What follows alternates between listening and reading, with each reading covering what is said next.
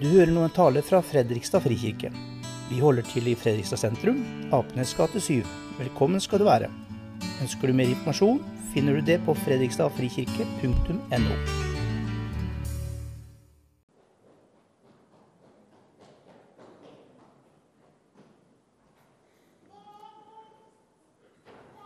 Det er eh, Kristi forklarelsesdag i dag. Så jeg regner med du har kommet til kirken nå med en forventning om at nå skal du få en ordentlig god forklaring. Det skal jeg prøve å gi. For det er sånn at uh, ting som har med Gud å gjøre, og som har med troen vår å gjøre, kan noen ganger være litt uklart, litt vanskelig å få ordentlig grep på.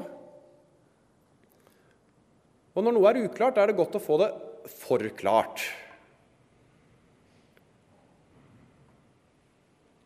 Og Før jeg går på dagens prekentekst, så skal jeg bare ta dere med til en annen litt spennende tekst fra Gamletestamentet som viser noe om hvordan Gud kan være litt uklar. Da skal jeg lese fra 2. Mosebok, kapittel 33. Da er vi der i fortellingen om eh, ørkenvandringen at Israelsfolket har eh, kommet seg ut av Egypt, de har kommet fram til Sinai-fjellet. Moses har vært oppe på fjellet og snakket med Gud og fått de ti bud. Så kommer han ned fra fjellet igjen og ser at der har folket bygd en gullkalv som de tilber, og takker for at det var den som førte dem ut av Egypt. Og Moses blir rasende, og Gud blir sint, og det blir et skikkelig oppgjør. Og så kommer da spørsmålet hva nå? Eh, og Gud sier at uh, dere får dra videre. Jeg skal sende en engel med dere, men jeg kan ikke gå med dere selv nå. Og, og da protesterer Moses, for han er ikke så interessert i å lede dette folket hvis ikke Gud selv går med. Og da får vi alltid denne fortellingen her. Moses sa til Herren, se, du sier at jeg skal føre dette folket opp, men du lar meg ikke vite hvem du vil sende med meg. Likevel har du sagt, jeg kjenner deg ved navn, og du har funnet nåde for mine øyne. Hvis det er slik at jeg har funnet nåde for dine øyne, så vis meg nå din vei, så jeg kan lære deg å kjenne og finne nåde hos deg. Husk at dette er ditt folk. Han svarte, Mitt ansikt skal gå med, og jeg vil la deg få ro. Da sa Moses, hvis ikke ditt ansikt går med, må du ikke føre oss opp herfra. Hvordan kan man ellers vite at jeg og folket ditt har funnet nåde for dine øyne, hvis ikke du går med oss? Slik skal jeg og folket ditt bli skilt ut fra alle andre folk på jorden. Da sa Herren til Moses, også dette som du ber om, vil jeg gjøre, for du har funnet nåde for mine øyne og jeg kjenner deg ved navn. La meg da få se din herlighet, sa Moses. Han svarte, Jeg vil la all min godhet gå forbi deg og rope ut for deg navnet Herren. For jeg er nådig mot den jeg viser nåde, og barmhjertig mot den jeg forbarmer meg over. Du kan ikke få se ansiktet mitt, sa han, for et menneske kan ikke se meg og leve. Herren sa, Se, her er et sted tett ved meg. Still deg der på klippen. Når så min herlighet går forbi, vil jeg la deg stå i klippekløften, og jeg vil dekke deg med håndflaten til jeg er kommet forbi. Så vil jeg ta hånden bort.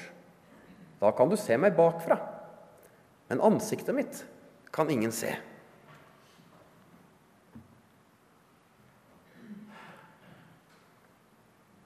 Det er en litt eh, fascinerende historie der. Moses ber om å få se Gud. Og det får han. Men bare bakfra. Og I Det gamle testamentet er Gud litt skjult, på en måte litt uklar. Han eh, kan f.eks. åpenbare seg i en brennende tornebusk, eller gjennom en stemme som lyder, eller gjennom ord som han gir til profeter. Men å se Guds, Gud ansikt til ansikt, det er han litt tilbakeholden med. Og det handler om at Guds herlighet er så hellig og så mektig og så ren at et menneske i møte med det vil ikke klare seg. Så Gud gjør seg litt utilgjengelig. Men så skjer det altså noe nytt i Det nye testamentet. Forfatteren av hebreerbrevet åpner med å si dette på en fin måte. Mange ganger og på mange måter har Gud i tidligere tider talt til fedrene gjennom profetene. Men nå, i disse siste dager, har han talt til oss gjennom Sønnen. Det som skjer i Det nye testamentet, er at Gud blir menneske. Født i Betlehem, oppvokst i Nasaret. Jobber først som tømmervann, etter hvert som omreisende forkynner. Men det er Gud som ligger i krybben i Betlehem og vokser opp i Nasaret, og som reiser rundt i Israel. Men det er Gud som er blitt menneske. Og for det meste så ser han ut som et helt vanlig menneske. Og det har den fordelen at da tåler folk å forholde seg til ham. Og Gud blir nær på en helt annen måte enn han hadde vært i Gammeltestamentet. Men ulempen er at han er fortsatt litt uklar. På den måten at uh, det er ikke så lett å se på dette mennesket Jesus at han egentlig er noe mye mer enn bare enda et menneske.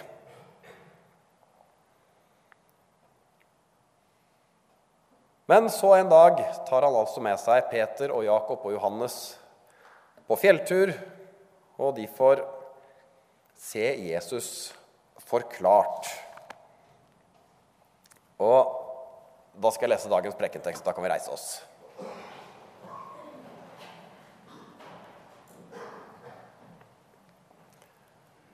Fra Matteus kapittel 17. Seks dager senere tok Jesus med seg Peter, Jakob og hans bror Johannes og førte dem opp på et høyt fjell, hvor de var alene. Da ble han forvandlet for øynene på dem. Ansiktet hans skinte som solen, og klærne ble hvite som lyset. Og se, Moses og Elia viste seg for dem og snakket med ham. Da tok Peter til orde og sa til Jesus, 'Herre, det er godt at vi er her.' Om du vil, skal jeg bygge tre hytter. En til deg, en til Moses og en til Elia. Mens han ennå talte, kom en lysende sky og skygget over dem. Og en røst fra, lød fra skyen. Dette er min sønn, den elskede. I ham har jeg min glede. Hør ham. Da disiplene hørte det, kastet de seg ned med ansiktet mot jorden, grepet av stor frykt. Men Jesus gikk bort og rørte ved dem og sa, 'Reis dere, og vær ikke redde.' Og da de løftet blikket, så de ingen andre enn ham, bare Jesus. På veien ned fra fjellet ga Jesus dem dette påbudet. Fortell ikke noen om dette synet før menneskesønnen er stått opp fra de døde. Slik lyder Herrens ord.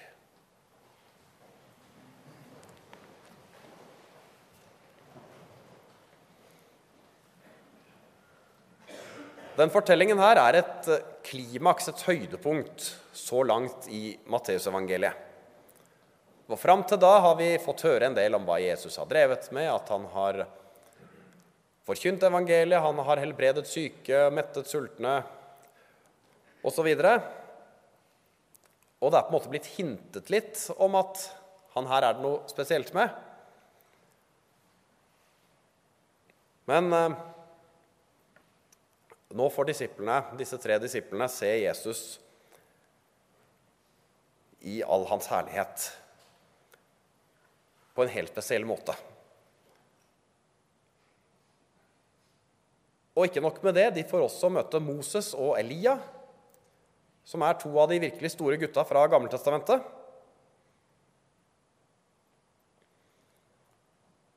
Og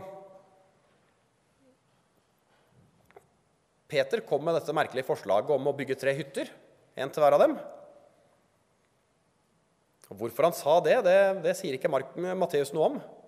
Men Markus, når han forteller den eh, historien her, han, han skriver at han visste ikke hva han skulle si, for de ble grepet av stor frykt. Han var så satt ut at han visste ikke hva han skulle si. og Skjønner jo det. Hva hadde du sagt hvis du plutselig var på fjelltur og møtte både Jesus og Moses og Elia?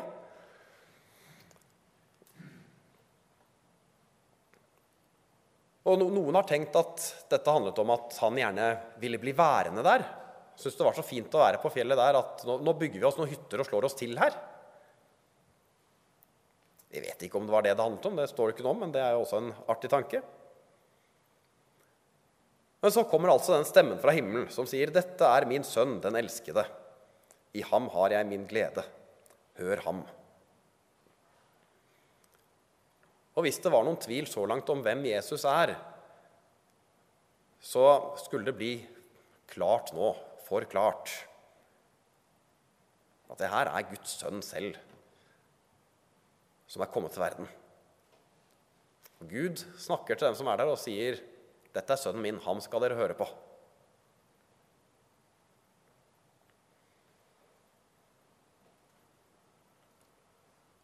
Men dette er ikke første gang Gud snakker på denne måten.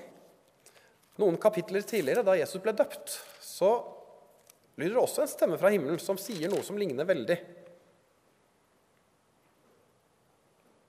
Dette er min sønn, den elskede. I ham har jeg min glede.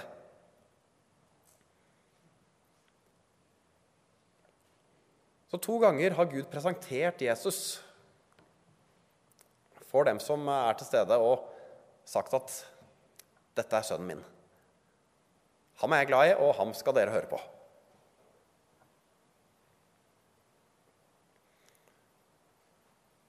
Men ikke bare er dette en gjentagelse av det som skjedde da Jesus ble døpt. Eh, I de ordene her så går det altså an å høre et ekko fra tre fortellinger fra Det gamle testamentet, hvor det blir brukt formuleringer som ligner litt på det her. Og Jeg skal ta dere med gjennom de tre, for de er litt spennende fordi de sier noe om hvem Jesus er, på forskjellige måter.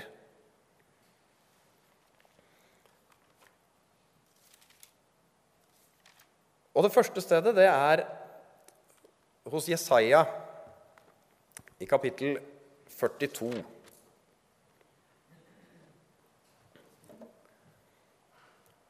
Der står det Se min tjener, som jeg støtter, min utvalgte. I ham har jeg min glede. Altså samme formulering.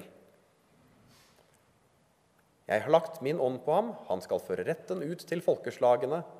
Han skriker ikke og roper ikke, hans røst høres ikke i gatene. Han bryter ikke et knekket siv og slukker ikke en rykende veke. Med troskap skal han føre retten ut. Han skal ikke slukne og ikke knekkes før han har satt retten igjennom på jorden.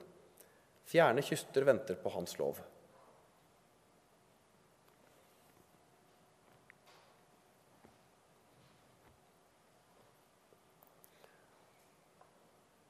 Og hvem det er profeten snakker om her, det, det er ikke helt tydelig i denne teksten. Men vi skjønner at det er en som Gud skal sende. Som skal være Guds representant. Føre retten ut til folkeslagene. Det var noe profetene var opptatt av. Det å lære folket hvordan de skal leve for å leve slik Gud vil, og slik at det blir godt for alle å leve. Og det er en beskrivelse av tjenesten til Jesus. Jesus var også en profet som var sendt fra Gud for å gi folket ord fra Gud. Det har han fått til felles med Moses og Elia. De var også profeter på hver sin måte, som fikk ord fra Gud som de fikk beskjed om å gi videre til folket. Moses fikk de ti bud og mange andre lover og forskrifter som skulle folket, hvordan, lære folket hvordan de skal leve for å ha det godt. Elia levde på den tiden da Ahab var konge i Israel, og han var en konge som hadde vendt seg bort fra Gud og dyrket andre guder. Og det ble Elias oppgave å komme med ord til ham fra Gud for å refse ham og prøve å lede ham og folket inn på den rette stien igjen. Og på samme måte er Jesus kommet for å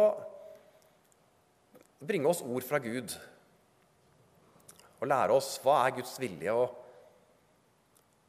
hvordan vil Gud at vi skal leve, og hvilke gaver er det Gud ønsker å gi oss. I Det gamle testamentet så dukker det stadig også opp noe som kalles for falske profeter. Det er de som opptrer som profeter, men som ikke har fått noe fra Gud. De bare sier det som de tenker at kongen og folk ellers vil høre. For sier de det, så blir folk begeistret, og da får de eh, litt, litt godsaker og belønning til gjengjeld. Så det, det var en vei til et fint og behagelig liv.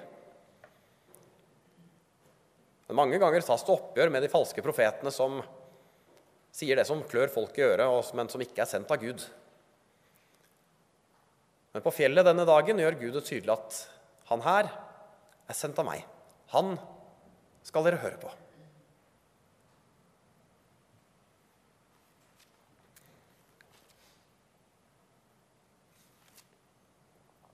Den neste teksten vi hører et ekko fra i denne historien, den er fra første Mosebok, kapittel 22. Og det er fortellingen om at Abraham får beskjed om å ofre Isak. En tid etter at dette hadde hendt, satte Gud Abraham på prøve. Han sa til ham, 'Abraham.' Og han svarte, 'Ja, her er jeg.' Da sa han, 'Ta din sønn, den eneste, Isak, han du elsker, og dra til landet Moria.' Der skal du ofre ham som brennoffer på et av fjellene. Jeg skal fortelle deg hvilket. Her er det også en far som har en sønn som han er glad i. Og denne faren får beskjed om å ofre sønnen sin, som han er glad i. Og Kan du historien videre, så vet du at Gud grep inn i siste øyeblikk og stoppet denne ofringen. For Poenget var ikke at Isak skulle ofres, men at Gud ville se eh, om, om Abraham var villig til å lyde. Og samtidig, på en nok ganske sterk måte, viste Abraham at menneskeofringer det er ikke noe jeg vil ha. Andre folk driver med det. Du skal ikke drive med det.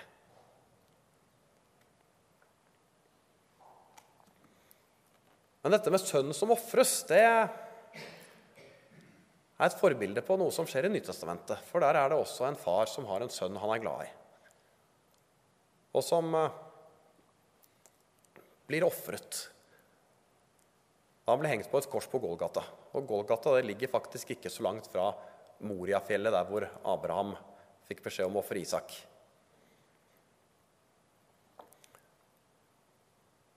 Og den gangen blir ikke offeret stanset i siste liten. Den gangen blir offeret gjennomført. Fordi det er det som er det endelige offeret, som skal sone straffen for alle verdens synder.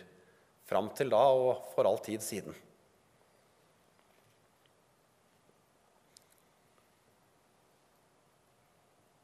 Og Moses hadde i sin tid fått en masse regler og forskrifter om hvordan ofringer skal foregå, forskjellige typer offer for forskjellige situasjoner. Elia hadde ofret til Gud på Karmelfjellet, der hvor han og Baal-profetene hadde hatt en, nærmest et veddemål om hvem sin gud som fungerte. Hvem sin gud som kunne sende ild fra himmelen for å tenne på offeret. Og det var Elias' offer til Herren som, som ble tent på fra himmelen. Men alle disse ofrene her de er for å peke framover mot det offer som Jesus skulle gjøre på Golgata. I Det gamle testamentet hos jødene så var det øverstepresten og prestenes oppgave å bære fram offeret. Og Jesus skulle også bære fram offer, ikke en eh, bukk eller en okse, men seg selv. Det betyr at Jesus hadde på en måte også tjeneste som øversteprest. Han var ikke bare profet som bar fram ord fra Gud, men han var også øversteprest som bar fram det endelige offeret til Gud for folkets synder.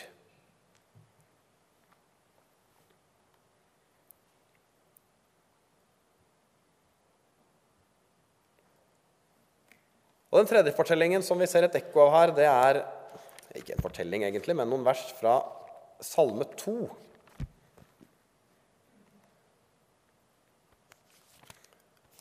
Som er en kongesalme. Som handler om at det er Gud som har innsatt kongen. Og der står det Det er jeg som har innsatt min konge på Sion, mitt hellige fjell. Jeg vil kunngjøre det Herren har fastsatt. Han sa til meg, Du er min sønn. Der har vi det temaet igjen. Du er min sønn. Jeg har født deg i dag. Be meg, så gir jeg deg folkene som arv og hele jorden i eie. Du skal knuse dem med jernstav, slå dem i stykker som pottemakerens krukke. Og bare for å ta det med det samme, det siste verset her, som høres litt brutalt Det handler ikke om å, at denne kongen skal drive et sånt skrekkregime og diktatur. Det handler om at denne kongen skal ta et oppgjør med dem som har vendt seg bort fra Gud, og som, og som sprer eh, ondskap og urett i samfunnet. Kongen som Gud innsetter, skal ta et oppgjør med alle disse kreftene og styre på en god måte, slik som Gud vil.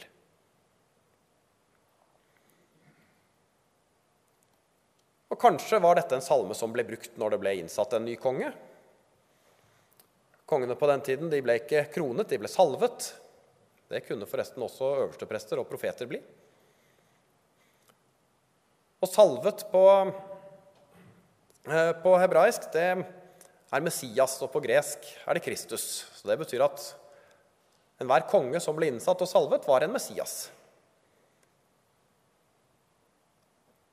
Denne salmen kan leses som en salme om den enkelte konge som blir innsatt ved forskjellige anledninger. Den kan også leses som en profeti om konge som skal komme en gang. Og som er den som Gud presenterer på fjellet. Og sier 'Dette er min sønn'.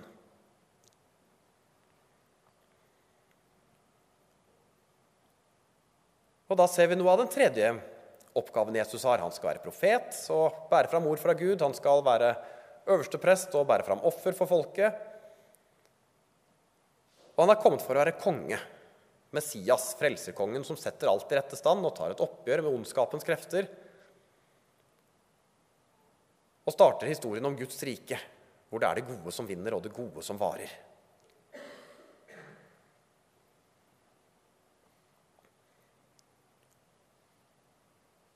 Om Peter og Jakob og Johannes tenkte på disse tre tekstene her da de var på fjellet og hørte stemmen fra skyen, det vet jeg ikke. Sannsynligvis ikke. Men noen ganger er det sånn at etter en hendelse så begynner man å tenke litt mer, og kanskje dukket opp litt assosiasjoner til noen av disse fortellingene fra Gammeltestamentet som gjorde at de skjønner at det her ligner jo på noe vi har hørt før. Så er det spennende å se hvordan disse formuleringene de sier noe om hvem han er, han som blir presentert på fjellet, og som Moses og Elia dukker opp og prater med.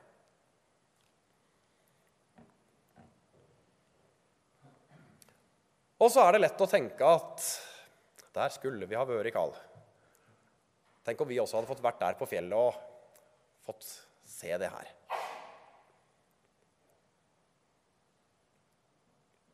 Jeg satt på første rad med ryggen mot dere da Jens spurte om uh, det noen, var noen her som hadde sett et syn, men jeg vet ikke om det var mange som rakk opp hånda.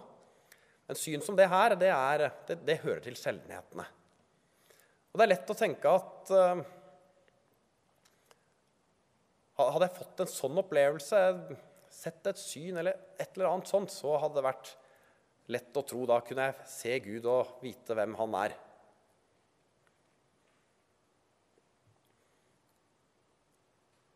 Martin Luther sier noe interessant om det her. Han innfører begrepene herlighetsteologi og korsteologi. Og han sier litt fritt gjengitt at den som søker Gud i, i de mektige opplevelsene og de sterke manifestasjonene og åpenbaringene, blir aldri en skikkelig teolog. Den som vil bli en skikkelig teolog, må søke Gud i korset og lidelsen. Og Han bruker til og med ordet at det er å søke Gud bakfra, litt sånn som Moses fikk se Gud bakfra den gangen i fjellkløften. Men Luther sier at det er den veien som egentlig leder fram til Gud.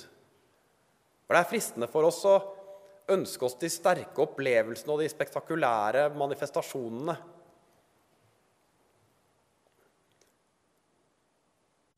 Men den som vil se hvem Gud virkelig er, skal først og fremst se etter Gud ikke gjennom herligheten, men gjennom korset. Det er der Gud mer enn noe annet sted åpenbarer hvem han er. Og også paradoksalt nok der han viser sin herlighet.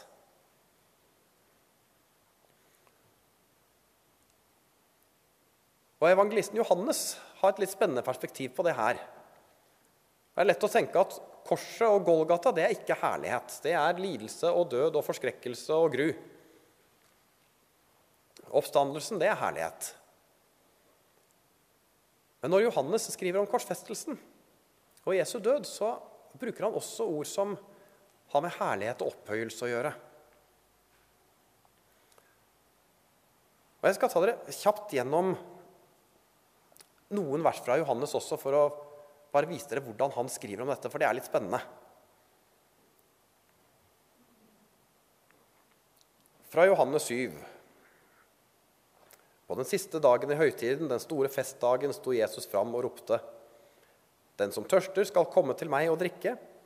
Den som tror på meg, fra hans indre skal det, som Skriften sier, renne elver av levende vann.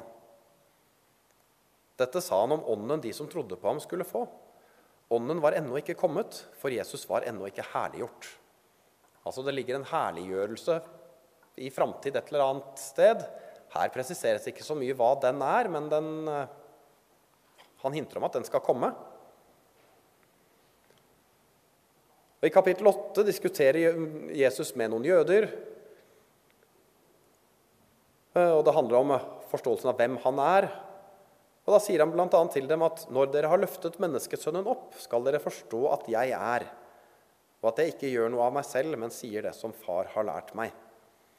Og Dette å løfte menneskesønnen opp, det å løfte noen opp, det høres ut som å hylle eller opphøye eller herliggjøre noen.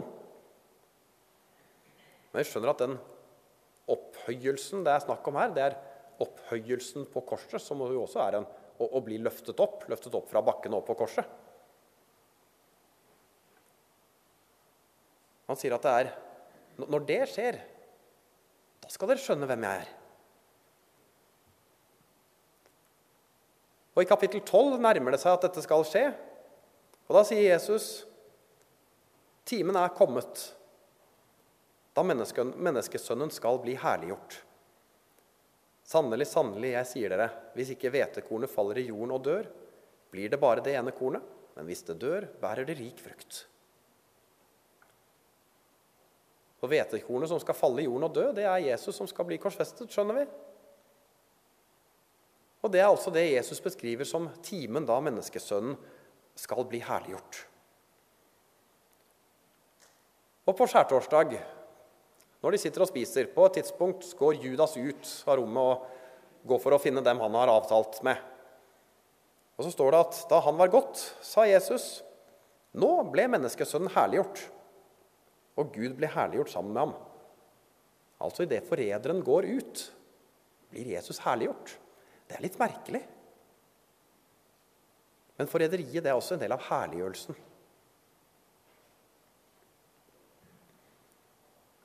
Og endelig, Johannes 17, før de drar ut til Getsemane, da Jesus hadde sagt dette, løftet han blikket mot himmelen og sa, Far, timen er kommet. Herliggjør din sønn, så sønnen kan herliggjøre deg.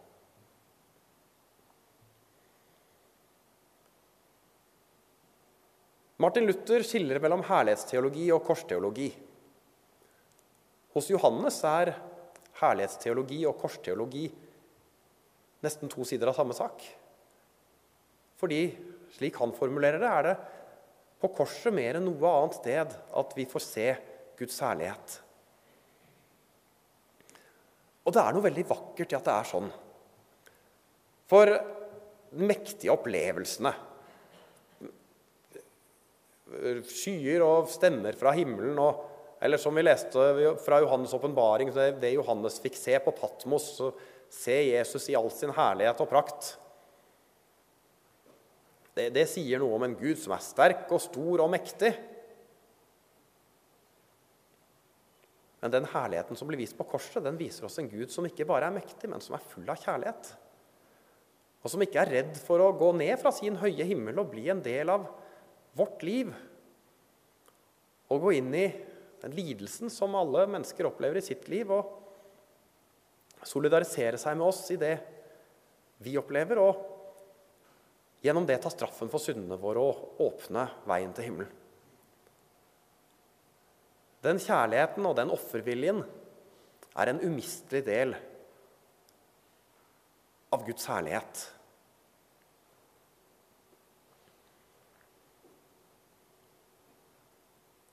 Og Johannes har ikke med denne fortellingen om det som skjedde på fjellet. Matteus, og Markus og Lukas har med i hver sine varianter den historien vi leste i dag. Men Johannes har også med seg herliggjørelsen på en annen måte. Ikke på et fjell et eller annet sted nord i Israel, men på den høyden som heter Golgata. Som er der hvor Johannes viser oss at Der også viser Jesus oss sin herlighet. Det som er fint med det, er at den er litt mer tilgjengelig for oss også. Sånne syn på fjelltopper som vi leste om, de er det ikke så mange av oss som får oppleve. Men det å lese fortellingene om Jesus på korset og leve seg inn i det som skjedde, og ta til seg det som skjedde, det er tilgjengelig for oss. Det er ikke så mektig og spektakulært, men det er sterkt. Fordi det sier noe om en Gud som ikke bare er mektig, men som er full av kjærlighet, og som er villig til å ofre seg for å frelse oss.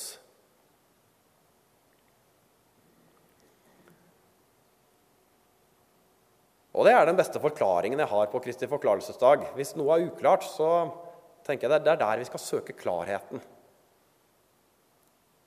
i hva Jesus har gjort for oss da han viste sin herlighet. Ved å dø på korset og ved å stå opp og vise at veien til himmelen er åpen for alle som vil. Jesus, takk for at vi har fått se din herlighet på forskjellige måter. Og ikke minst at vi har fått se din herlighet på korset og fått se din kjærlighet på korset.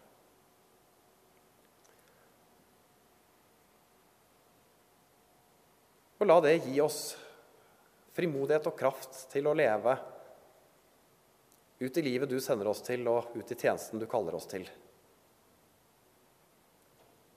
Og la oss få være utsendinger for deg, slik at vi også kan være med på å vise nye mennesker din herlighet. Amen.